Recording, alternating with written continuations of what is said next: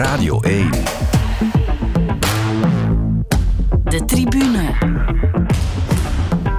David Naert.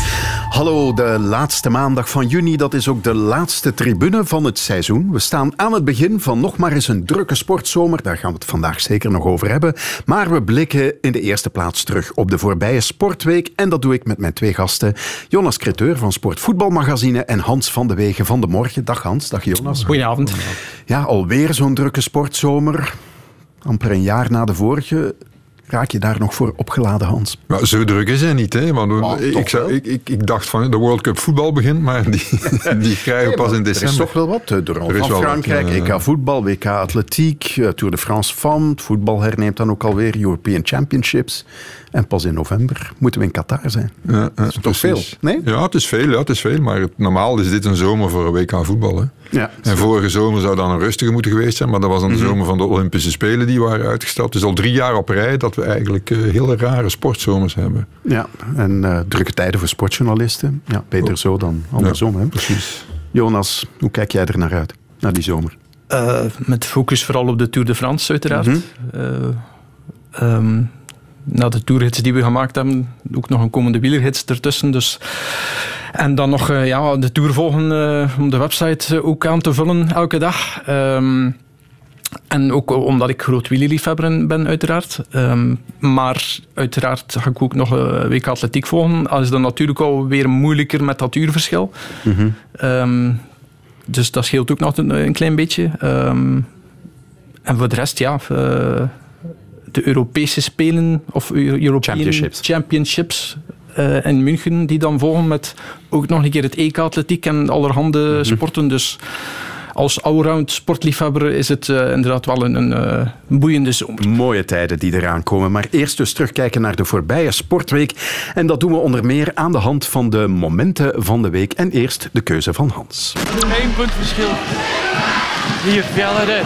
Krijgt een screen. Is nog niet door. Ah, het is gedaan. Ah, het is gedaan. Ja. Ja, Frankrijk wint. Frankrijk heeft de brons. Ja, het is gedaan. Het was eh, ja, een ongelofelijke wedstrijd. Maar de ontgoocheling is groot. En eh, ja, niks aan te doen. Dat is eh, topsport. Frankrijk verdient een bronzen medaille. Wij hebben het ook verdiend. Het is niet gelukt. Dat was het commentaar van Chris Meertens na de bronzen medaillematch op het WK Basket 3 tegen 3, waar België verloor van Frankrijk. Hans, leg eens uit, waarom heb je dit gekozen? Omdat ik eh, vorig jaar eh, bij wijze van verrassing eigenlijk een keer gaan kijken ben in Tokio naar de 3x3, de eerste wedstrijd van de Belgen. En ik dacht van, oei oei, eh, wat ga ik nu zien? En ik was meteen enthousiast. Maar dan ben ik ook beginnen nadenken als journalist. En ik denk van ja, wie zien we hier spelen? Hm? B-spelers uit België, B-spelers uit Servië, B-spelers uit alle landen. Oké, maar ze brengen een topspektakel. Dat is een feit. Zelfs zonder publiek in Tokio was het echt aangenaam, want ik ben nog twee keer teruggegaan. Nu in Antwerpen was het met publiek. Iedereen heel enthousiast, tot en met de verslaggeving toe. Ik heb nog nooit zo enthousiaste verslaggeving gehoord op de VRT, moet ik eerlijk zeggen. Bijna supporters die daar zaten. Maar goed, dat is natuurlijk dat sfeertje van die groenplaats met dat dak erover. Je zit heel erg op elkaar en iedereen leeft mee. Maar ik moet mij de vraag stellen, het is een topspektakel, maar is het wel topsport? Hè? Als je ziet dat ja, de Serviërs, dat zijn basketbalspelers. De ene komt uit Novi Sad, de andere, maar die hebben nooit in het nationaal team gezeten. Eh, ook onze Belgen niet. De Amerikanen, ja sorry, hè, steek daar Kyrie Irving met, eh, met Durant en met LeBron James. En eh, ze spelen drie meter boven alle anderen, iedereen naar huis. Ik bedoel, er zijn veel betere spelers, atleten in de wereld, die deze sport zouden kunnen als ze daar tijd en goesting zouden voor hebben. Maar die doen dat dus niet. Moeten we daarom deze sport of deze versie af, eh, hoe zeg je, afkatten? Nee, want ik moet wel zeggen, het zijn verdorie atleten. Wat ze presteren die tien minuten lang is onwaarschijnlijk intensief. Ze spelen een verschrikkelijke harde defense. In een normaal basketbalwedstrijd liggen ze er al allemaal al uit met, eh, met de opzettelijke fouten. Maar het is, het, ja, het is een versie zoals ik destijds het beachvolleybal heb zien komen. Dat ik denk van ja, beachvolleybal heeft zich nadien een beetje als eigen sport geprofileerd met eigen types atleten. Ik vrees dat dit, deze sport heel dicht bij het basketbal van 5 tegen 5 staat. Behalve dat het een mix is tussen rugby en basketbal. Want er worden verschrikkelijke screens gezet en fouten gemaakt. Maar ik weet niet of... Het, vroeg, ik denk dat Tess Aarts vroeg op een bepaald moment, is dit een hype, is dit een blijver? En Wema zei van, dit is een blijver. Ik denk dat het een hype is, eerlijk gezegd. Ja. Ik denk dat het niet zal blijven. Daar heeft Sport zelfs een duitje in het zakje gedaan. Hè?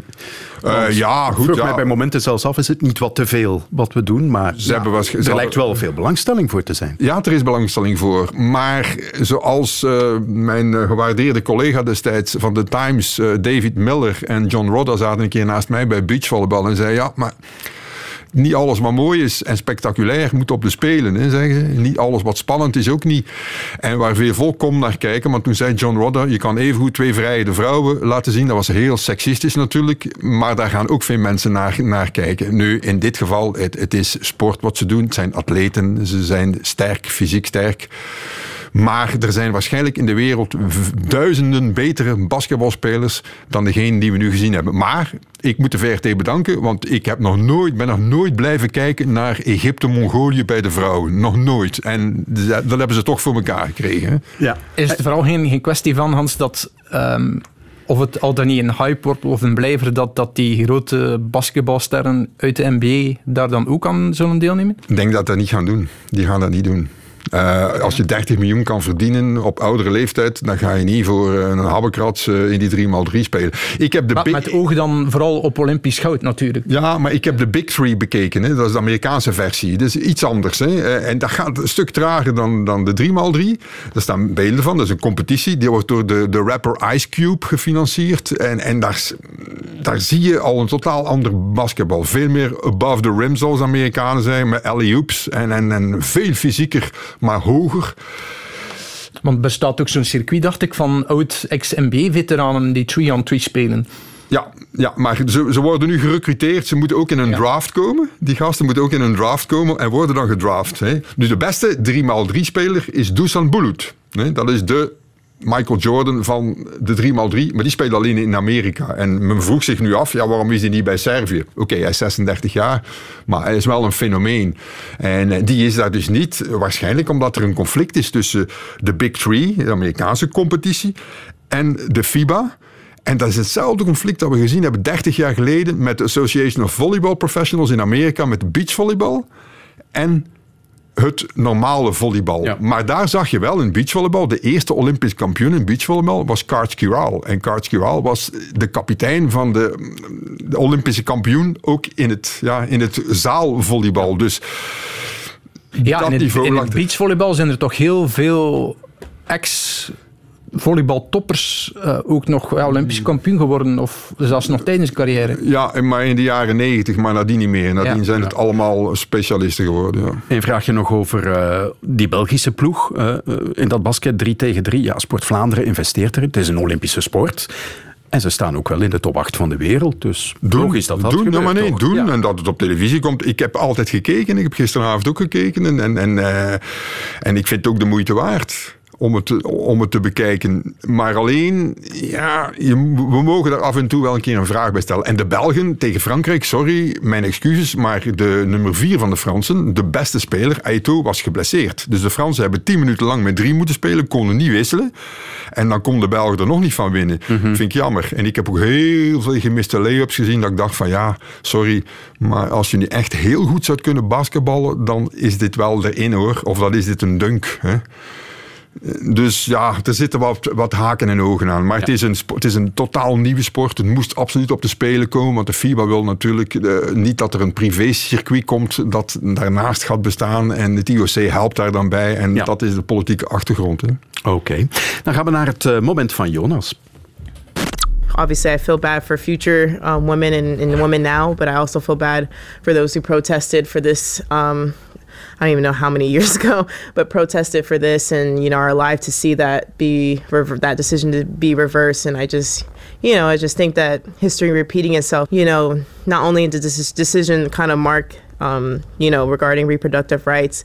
Um, I feel like it also kind of puts a lead way in maybe to reverse other things. But I still want to encourage people to use their voice and not feel too discouraged about um, this because we can definitely make a change and, and hopefully um, change will happen. We hoorden tennister Coco Gauff, een van de Amerikaanse sporters die zich hebben uitgesproken over de beslissing van het Hoge Rechtshof die een einde maakte aan het uh, nationale recht op abortus. Ja, En hier zag je ook weer, ook in de sportwereld dan, hoezeer de Verenigde Staten vooral dan de, de verdeelde staten van Amerika zijn. Met onder meer nu dit voorbeeld van, uh, van Coco Gauff, die als 18-jarige, moet gezegd zijn, uh, heel verstandig daarop op reageert. Um, daar ook al uitvoerig heeft over uitgelegd hoe, hoe ze dat ziet, hoe dat ze gebruikt wordt als brandstof om haarzelf te motiveren, omdat ze ook zegt van hoe beter ik presteer, hoe meer ik mijn platform kan gebruiken om mijn boodschap over te brengen. Uh, hoezeer ze ook zegt van ik, ik denk daar heel goed over na. Het is niet zomaar iets wat ik zeg of, of tweet, maar iets waar ik grondig over nadenk. En ik begrijp ook dat andere mensen die, daar, die dat misschien minder interesseert of daar minder van op de hoogte van zijn, die hoeven dat van mij niet te doen. Um, maar zij wil dat absoluut doen. Ook door, door haar opvoeding, door haar achtergrond. Um, haar ouders, grootouders komen ook uit het leger. Um, zij zegt ook, ja, zij hebben hun leven geriskeerd en dan is wat ik nu doe, andere mensen mijn leven riskeren. Dus allee, alle... Uh, respect voor, voor Coca Gauff op die leeftijd. Mm -hmm. uh, 18 jaar, ook, ja. onlangs toch ook finale gespeeld, Roland Garros. Um, en daarnaast zat je dan uh, de persconferentie van Serena Williams. Van wie toch ook bekend is dat ze toch al heel groot is opgekomen voor racisme. Ook omdat ze daar zelf enorm heeft onder geleden vanuit haar opvoeding. En Serena Williams ja, weigerde daarop in te gaan. Mm -hmm net als ook op de vraag van mogen de Russen uh, meedoen aan Wimbledon of niet. En ik vond dat zeer frappant en dat werd dan uitgelegd of dat klopt of niet, uh, omdat Serena Williams blijkbaar uh, praktiserend, al dan niet officieel, getuige van Jehovah is en dat dat dan wordt dan verboden om een officieel politiek statement te maken. Mm -hmm. Klopt dat of niet?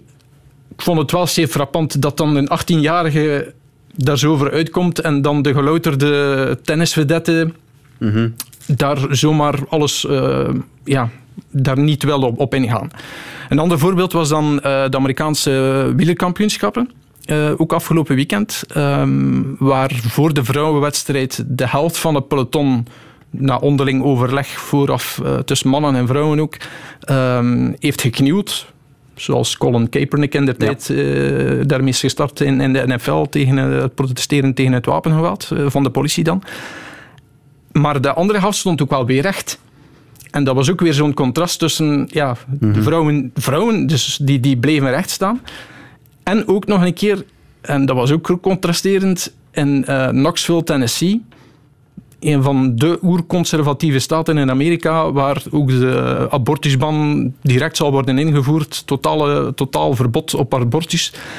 Dus dat, dat, dat, dat beeld tussen uh, die knielende vrouwen, mm-hmm. maar niet, niet allemaal, en dan een van de bolwerken van het oerconservatisme van de Verenigde Staten, ik vond dat ja, zeer frappant, dat contrast, en, en ook ja, jammerlijk.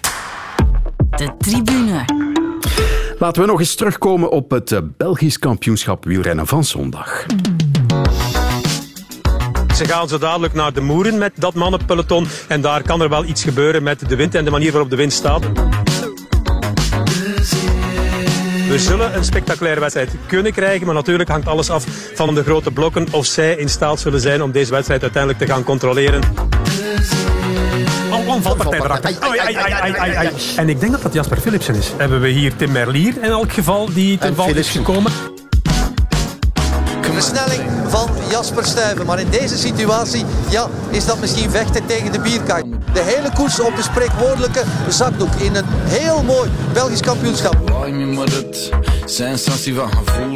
Remco Evenepoel, is zij het nu aan het doen? Remco Evenepoel pakt 2 meter. Remco Evenepoel pakt 3 meter. Jasper Stuyven moet bijna het hoofd buigen en wil er nog eens naartoe gaan. Hij pakt 4 meter. Van Marken moet het dan maar doen.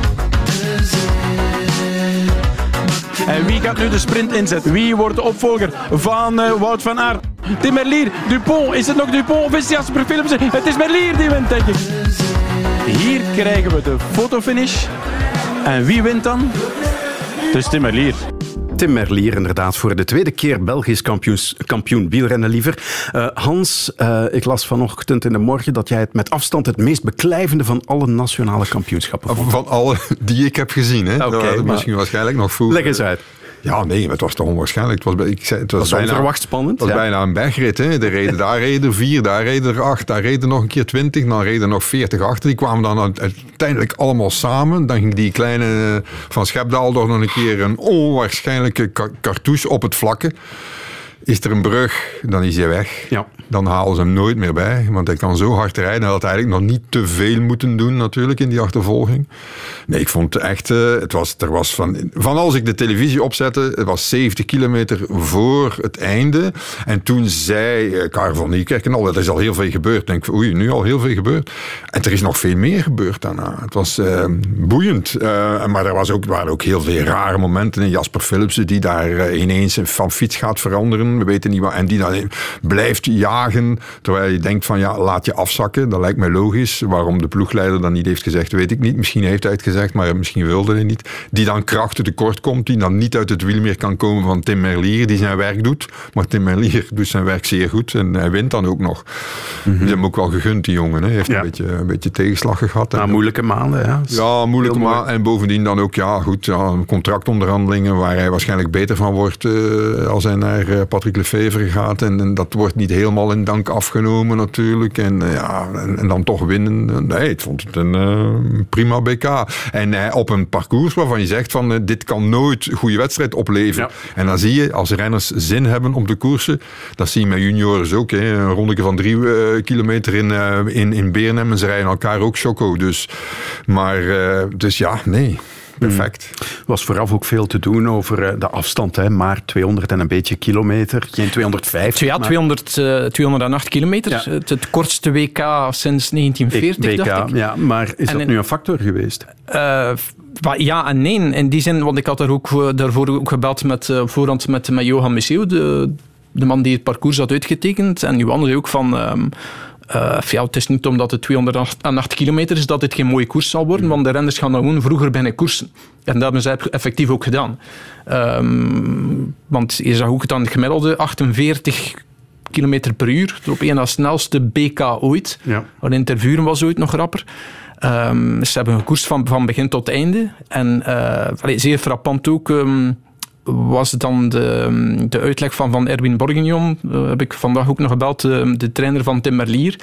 Die mij de, de wattage toonde van de sprint van, van Merlier. En die eh, naast die van eh Nokere koersen zette. Je zou verwachten, ja, Nokere koersen, veel kassein, toch redelijk wat bergop, en wat hoogtemeters. Ehm, en de wattages van de sprint in Nogere koersen lagen beduidend hoger dan die gisteren in, in waar Merlier dus ook won. Ja.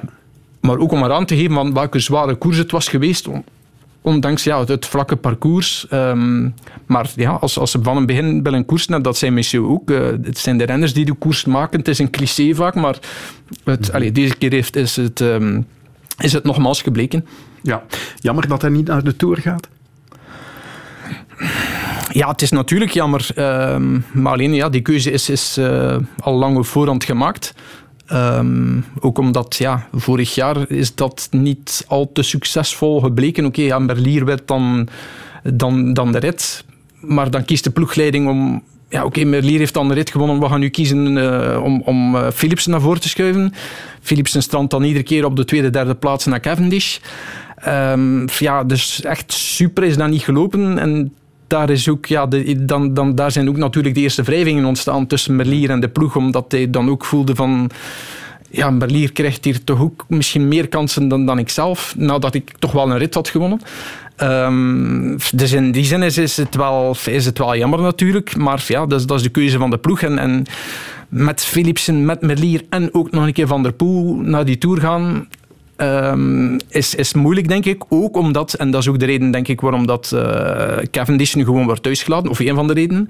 Ehm, er zijn amper kansen voor massaspurters in deze Tour. Hoogstens zes, maar dan moet het al heel erg meevallen met, met de wind en, en ontsnappingen die worden bijgehaald. Dus er zijn heel weinig kansen voor, voor sprinters. En ja, dan is het niet vanzelfsprekend om, om met twee sprinters daar naartoe te gaan. Laat staan van de ene voor de andere te laten werken. Ja, straks nog meer over de Tour.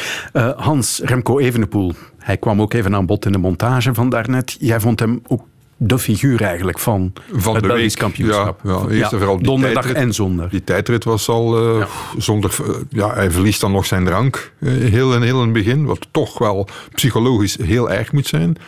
En eh, dan rijdt hij daar iedereen op meer dan een halve minuut.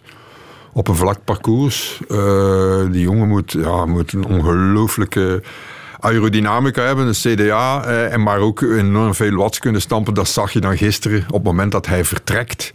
Hoe Jasper Stuyven daar echt kraakt. En dan nog Van Marken met zijn laatste krachten het dicht krijgt. Maar dan is het afgelopen, zowel voor Stuyven als voor Van Marken. En voor Evenepoel, die ook zegt, ja, ik raak niet weg, eh, bekijk het maar. Maar ik vond hem wel, ja, ik vond hem... Mede met wat hij heeft getoond de laatste weken en maanden, vind ik hem het figuur van het, eh, van het voorjaar, eerlijk gezegd. En, en heeft hij bewezen dat hij eh, veel meer in zijn mars heeft dan er nu wel een keer wordt gezegd van, hè, want in de Ronde van Zwitserland wordt dan gefocust op het feit, ja, hij heeft daar tijd verloren en daar tijd verloren, daar tijd verloren. Is, volgens mij is het een kwestie van tijd dat hij die tijd niet meer verliest. Nog een paar keer gaan, nog een, een paar van die rondes eh, in dat lichaam krijgen. En er komt volgens mij een dag dat hij eh, recupereert en er zal bij zijn. Maar wat betekent dat dan met het oog op de Vuelta? Want dat is nu echt wel zijn eerstvolgende grote afspraak. Kunnen, we, kunnen, eh, we hebben destijds eh, ons al gek gerekend toen hij de Giro reed. En, en dan was iedereen zo, toch wel, ja, misschien wint hij dat wel. Ja, dat, dus, dus die verwachtingen moet je niet meer bij hem. Hij is nog zeer jong. Hij heeft de, nooit een hoger verwachtingspatroon gehad. Eh, Sinds Eddy Merckx is dat het hoogste bij ons in, België. Wat we op zijn nek afladen. En dus ik zou denken van, ja, probeer het daar maar een keer. Hè. Probeer eens te kijken of je minder tijd verliest. eh, en kijk eens waar het aan ligt. hè. Ehm, het kan best zijn dat hij een, nog altijd een voetballersconditie heeft, bij wijze van spreken. Namelijk gewend van twee, drie wedstrijden per week te spelen, maar niet elke dag. Eh, dat kan ook best zijn. Het kan ook best zijn dat hij hier en daar nog wat kilo's kan kwijtspelen. Ehm, maar of dat hij nog... Hij, hij evolueert nog. En dat was de schrik die we hadden van... Is hij al niet uitgetraind? Hè? Al veel zware trainingen gehad.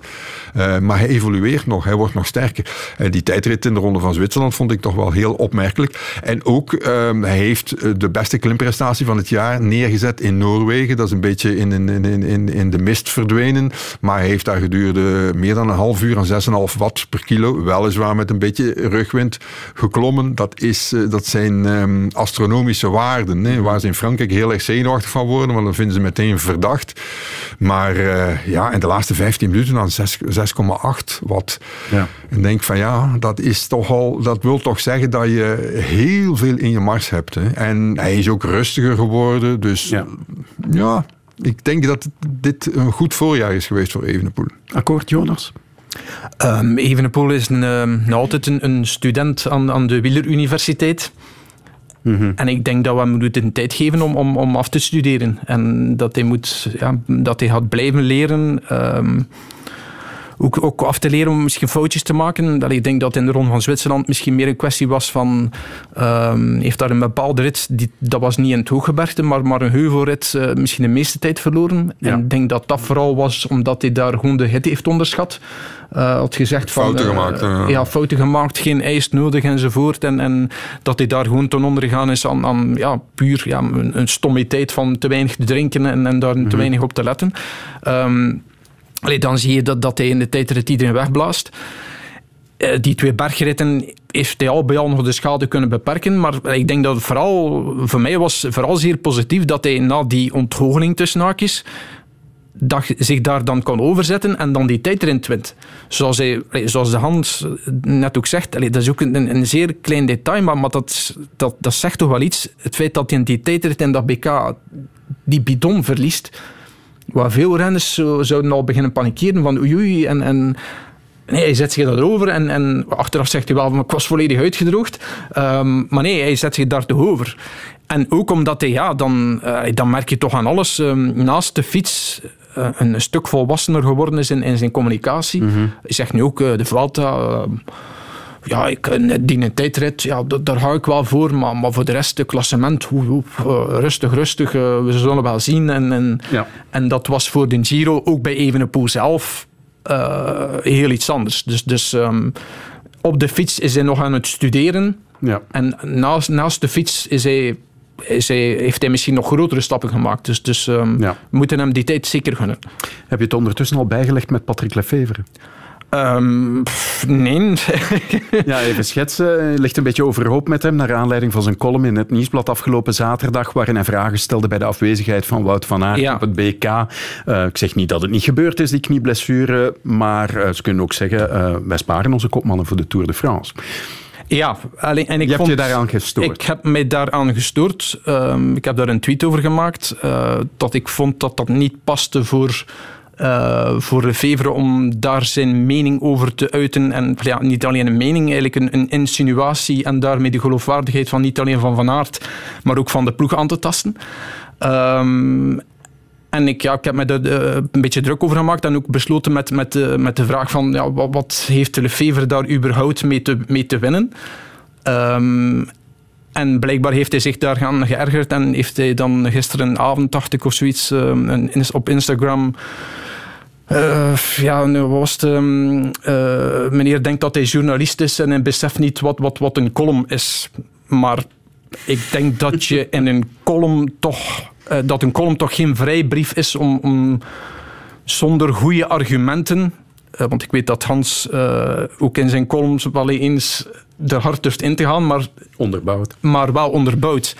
En Lefevre maakt daar een, een, een insinuatie die de deur openzet voor nog meer theorieën, niet alleen over eh, mogelijk coronavoorzichtigheid, maar ook, ja, dan hoor ik ook dat mensen dan al gaan denken van, oh ja, dus iets met cortisone om, om zijn knie te behandelen. En ehm, ik vind dat je dat eh, in, in een column niet hoort te doen. Ja. Ook omdat je dan heel bewust weet wat je schrijft. Het is niet zomaar ergens in een interview eh, slip of the tongue. Ehm, nee, eh, Ja. Lefevre weet heel bewust wat hij schrijft. Hij weet heel goed dat elk woord daar met een vergrootglas wordt bekeken en dat dat gaat opgeblazen worden.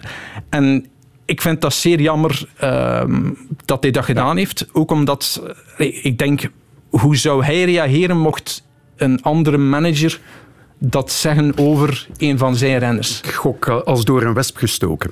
Maar dat verhaal van die knie is natuurlijk, eh, als je zo'n knie stoot, wat, wat, ik ken dat een beetje en ik heb daar ook wel eens eh, last van gehad. En eh, op mijn niveautje dan, en dat is dat die bursitis, eh, die bursa die ontsteekt, Ja. die slijmbeurs. En de klassieke behandeling vroeger was inderdaad een spuitje met lokaal met corticoïden en dat gaat dan meteen weg. Hè. Dat mag nu niet meer. Dus we moeten ervan uitgaan dat het niet is gebeurd. Maar wat Jonas zegt klopt. Door dat soort insinuaties maak je demonen van vroeger los. Die nog altijd in het wielrennen zitten. Die zeggen, well, ja, het zal wel iets gebeurd zijn. En, dit en, en dat is vervelend. Dat, dat Ja. moeten we mee opletten. Het wielrennen eh, is zo anders geworden dat ook die oude krokodillen, en ik hoor daar ook bij, eh, op een andere manier moeten gaan reageren daarop. Ja. Maar ook omdat je uit alles kunt afleiden dat het geen fabeltje is wat Van Aert heeft verteld. Allee, Van Aert is, is altijd heel rechtuit geweest in zijn communicatie. Had op maandag geen interview gegeven eh, aan, aan de kranten waarin hij vooruitblikt naar, die, naar het BK, hoezeer hij dat er naar uitkijkt om, om zijn Noordzeereeks en in Middelkerken te verlengen en hoezeer Ja. die, die Belgische trui zo mooi is. En Van Aert gaat daar niet daar, met, met een leugentje om best wil en, en die journalisten gaan bezighouden eh, om dan goed te weten dat hij dan een dag nadien of, of wanneer was het, eh, twee dagen later ja, een totale leugen te gaan vertellen. Ehm, dat, dat klopt gewoon niet. En ik weet, ik weet ook pertinent zeker, het, eh, er was effectief iets aan de hand. En, en eh, of het nu opgelost is of niet, dat zullen we de komende dagen wel weten. Ik hoop het voor hem, maar Ja. het is jammer dat, dat die insinuatie is, ehm, is gemaakt. Ja, om het wielerhoofdstuk mee af te ronden. De Ronde van Frankrijk komt eraan. eh, start op vrijdag. Quickstep heeft de selectie bekendgemaakt. Geen Mark Cavendish. Dat lag in de lijn der verwachtingen. Geen Julien Alaphilippe. Ja, dat was nog een vraagteken na zijn zware val in Luik-Bastenaken-Luik. Zijn Geen, geen Seneschal, de Fransen zullen, ook zullen kampioen zijn geworden met, nog. Ja, ja, Dat is nog het meest opvallende. ja, ja.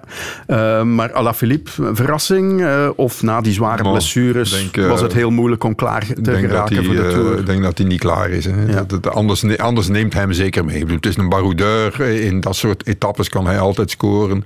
En Cavendish, ja, sorry. De, Anglo, de Anglo-Saxers willen Cavendish altijd. Ik denk van, Cavendish, nee. Je hebt nu Merckx evenaard, maar je gaat er echt niet voorbij. hè. Ik bedoel, Dat mag niet. Dat mag niet gebeuren. Dus Cavendish moet gewoon thuis blijven. dat is goed Ja. van een Belgisch team. Dat En ook niet voor de minste, Fabio Jacobs. Nee, precies. Die volgens mij handiger is in, eh, en, en volgens de kenners ook handiger in de sprint dan, eh, dan Cavendish. En ook al langer kan overleven in zo'n tour.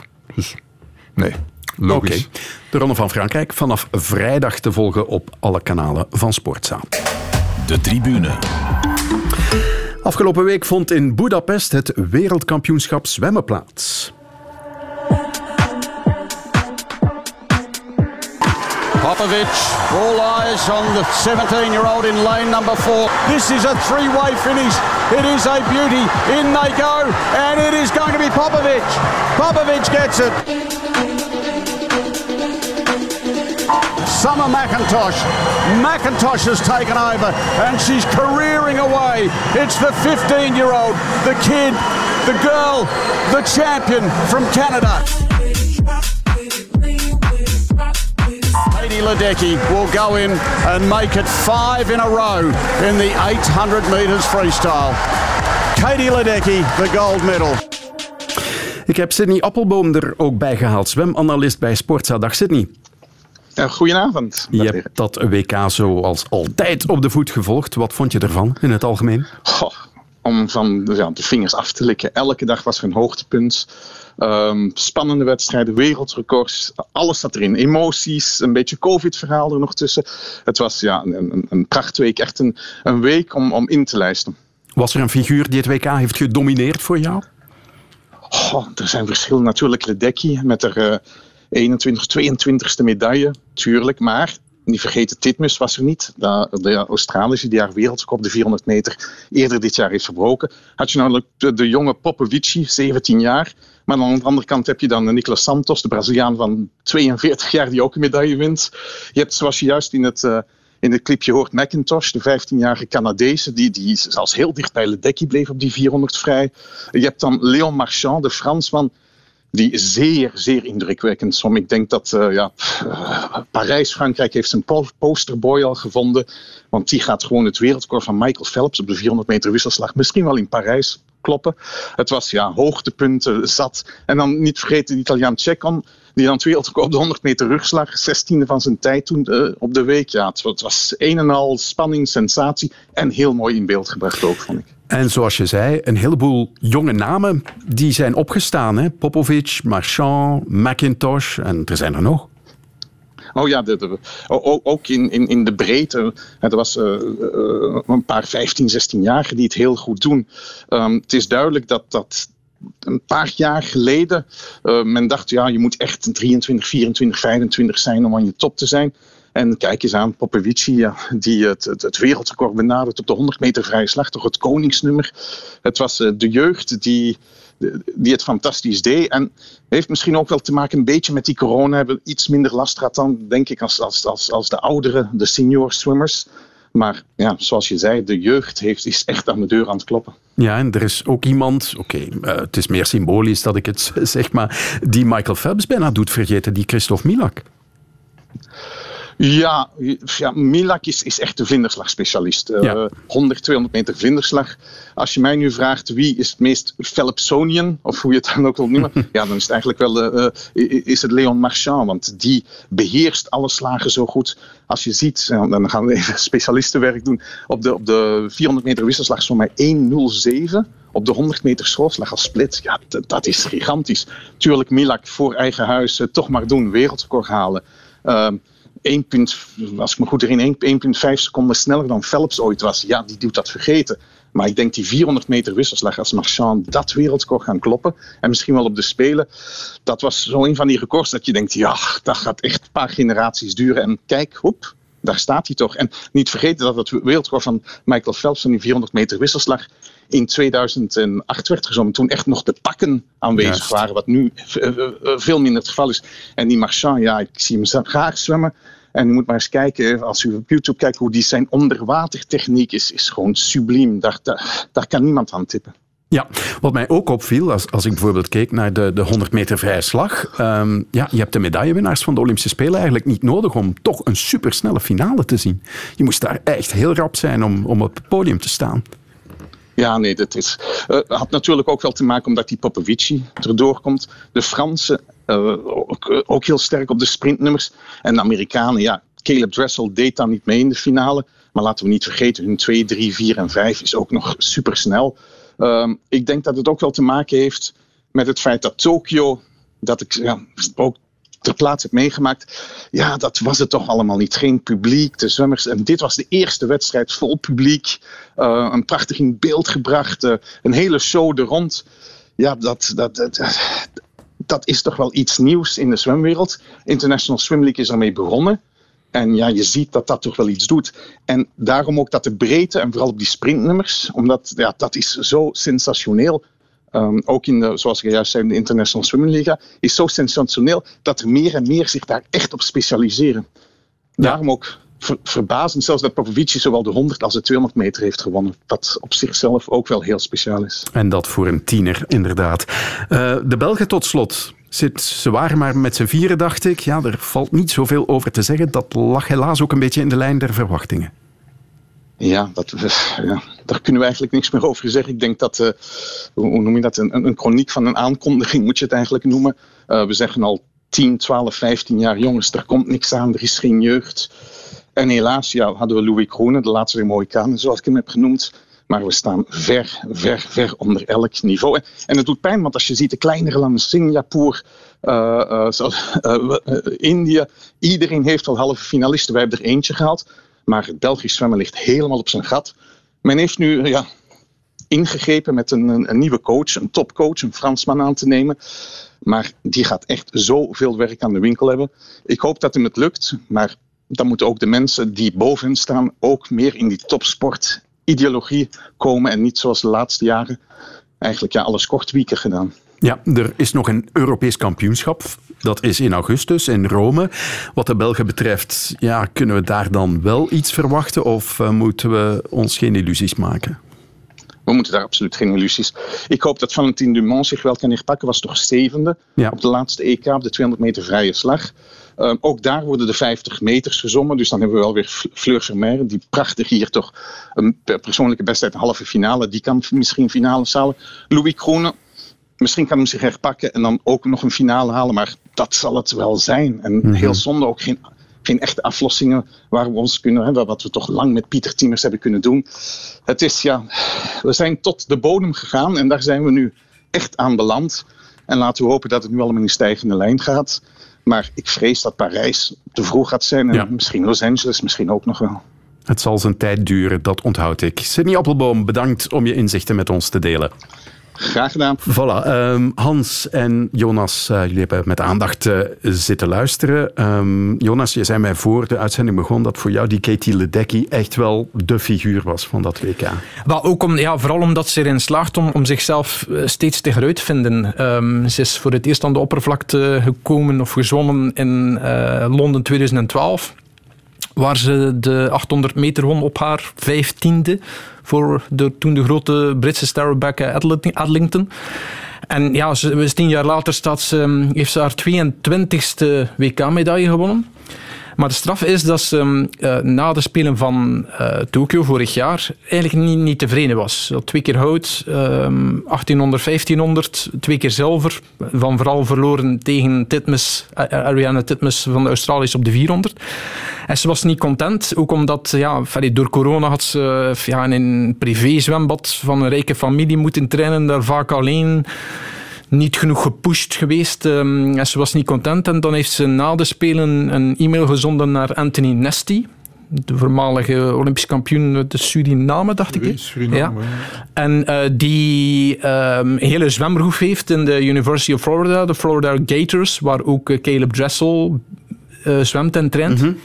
En dat was een heel bewuste move van, van Ledecky, omdat ze wist van daar ga ik wel meer gepusht worden. Dan ga ik tussen, tegen betere zwemmers kunnen trainen, ook tegen mannen. En dat heeft daar een enorme push gegeven, want ik, ik, las verhalen dat ze daar geregeld zelfs mannen heeft geklopt op bepaalde momenten, uh, zelfs op trainingen.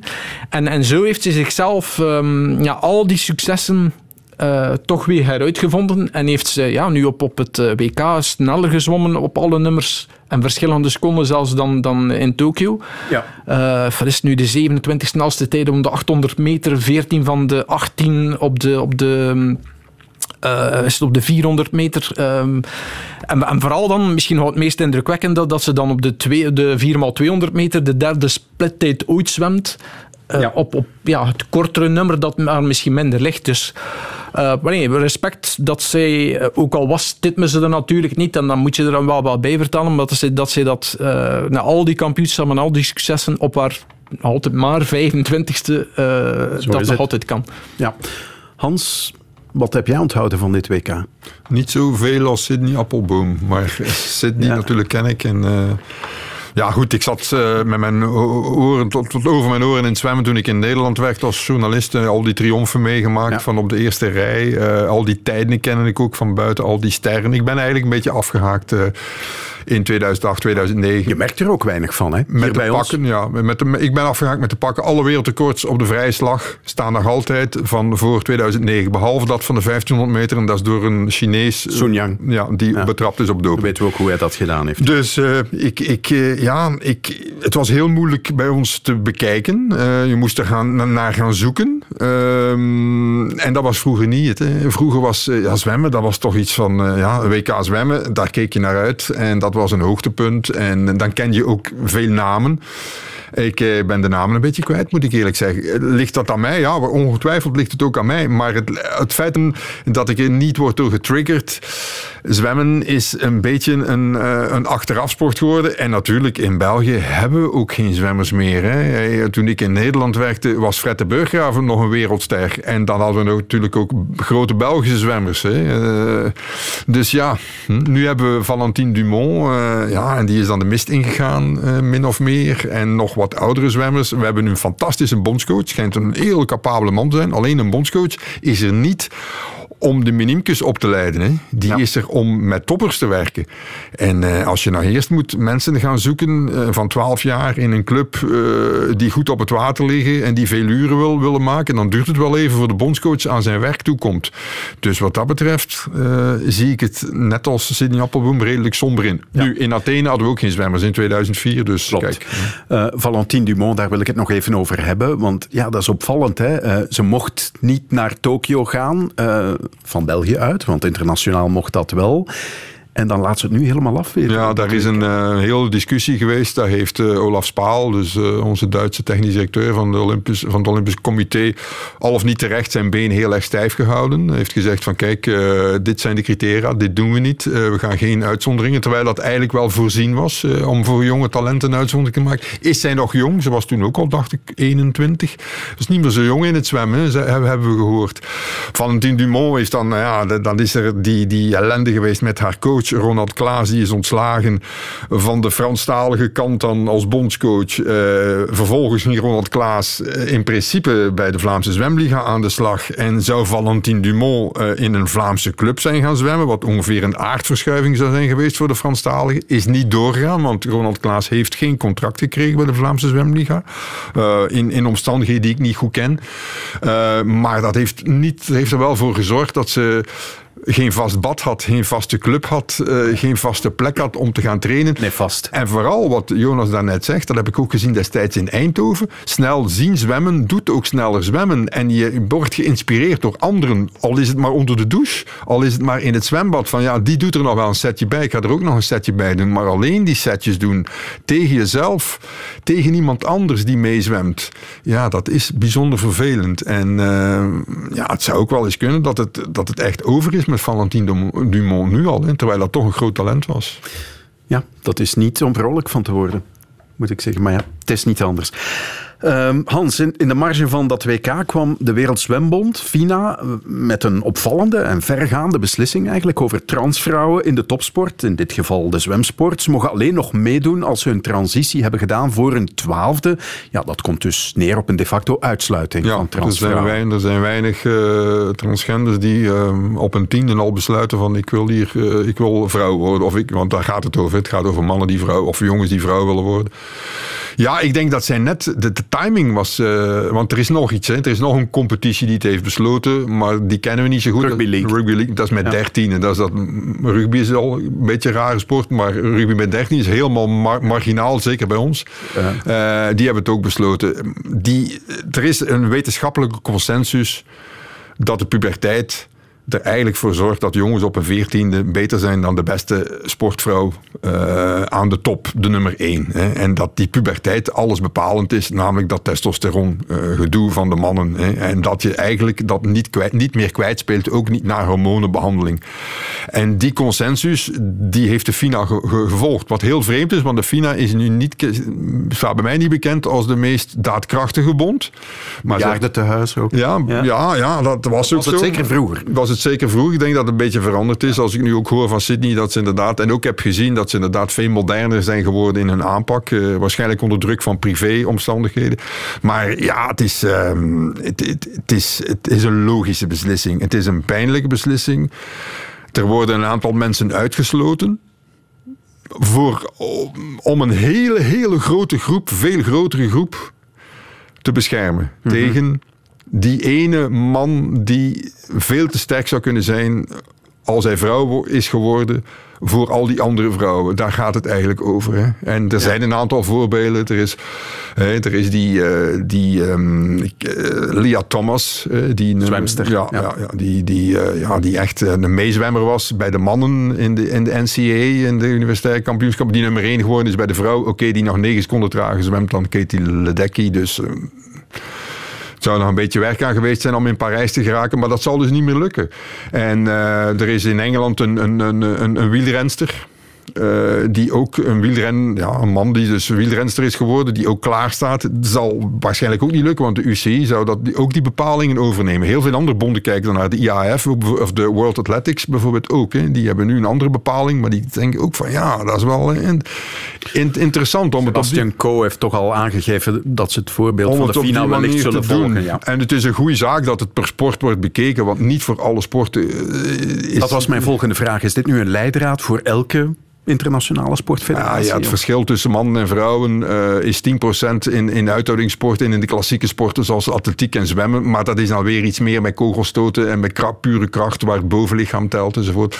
Maar bijvoorbeeld voor, eh, ik wist dat niet, maar ik heb dat opgezocht eh, wetenschappelijk. Een van de grootste verschillen in, in kracht is de sleeppush in het hockey. Bij de mannen is die onwaarschijnlijk veel krachtiger dan bij de vrouwen. En het grootste verschil is natuurlijk als je een vuistslag uitdeelt. Maar dat zijn sporten, ja, enfin, dat is dan boksen. Dat is het vrij logisch dat daar gewezen mannen niet bij de vrouwen gaan boksen. eh. Ja. Dus ja, en dat, daartegenover staat dan de, inclusie, eh, de inclusiebeweging. Wat eh, Megan Rapinoe, eh, die we nog kennen van het Amerikaanse voetbalteam, zei. Ja, zij vindt dat inclusie het vertrekpunt moet zijn. Want, zegt ze, transvrouwen die winnen heus niet alles waar ze aan meedoen. Nee, dat klopt. Maar, ehm, dat klopt. maar Megan Rapinoe is klaar met haar carrière. Denk als een jonge vrouw zou zijn van 19, 20 en ze ziet daar eh, iemand komen van 1,85, 1,90. Die eh, is, is eh, hormonaal behandeld om vrouw te worden, maar die nog alle voordelen heeft van een man. Ja, dan zou ze misschien waarschijnlijk wel anders spreken. Maar ik snap ook wel die argumentatie. Hè, dat het inderdaad, het is een, een, een zeer lastige kwestie. Ja. En je gaat altijd een kleine, hele klein, de kleinste groep moeten benadelen om een hele grote groep veilig te stellen, denk ik. Ja, het is een discussie die ongetwijfeld nog een hele tijd zal terugkomen. De tribune. De sportzomer komt er dus aan met onder meer op 15 juli de start van het WK Atletiek in Eugene, Oregon. Afgelopen weekend vonden in dat stadion van Eugene de Amerikaanse atletiekkampioenschappen plaats. Sydney McLaughlin in lane five, center of the track, center of your screen. I feel like we're going to know early if she's going after it. And man, she has gone through this first 100 with ease, but already making up the stagger on Britton Wilson, the NCAA champion, to her outside. She can win this race, we know easily, handily. But will she really push herself to run in that 51 range and get close to the record? Keep your eye on the clock. 51 46 is the world record. It might be deceiving. She has left everybody else behind. Shamir Little's trying hard on the outside there. Watch the clock. 51.46 is the world record. Sydney McLaughlin, is she close?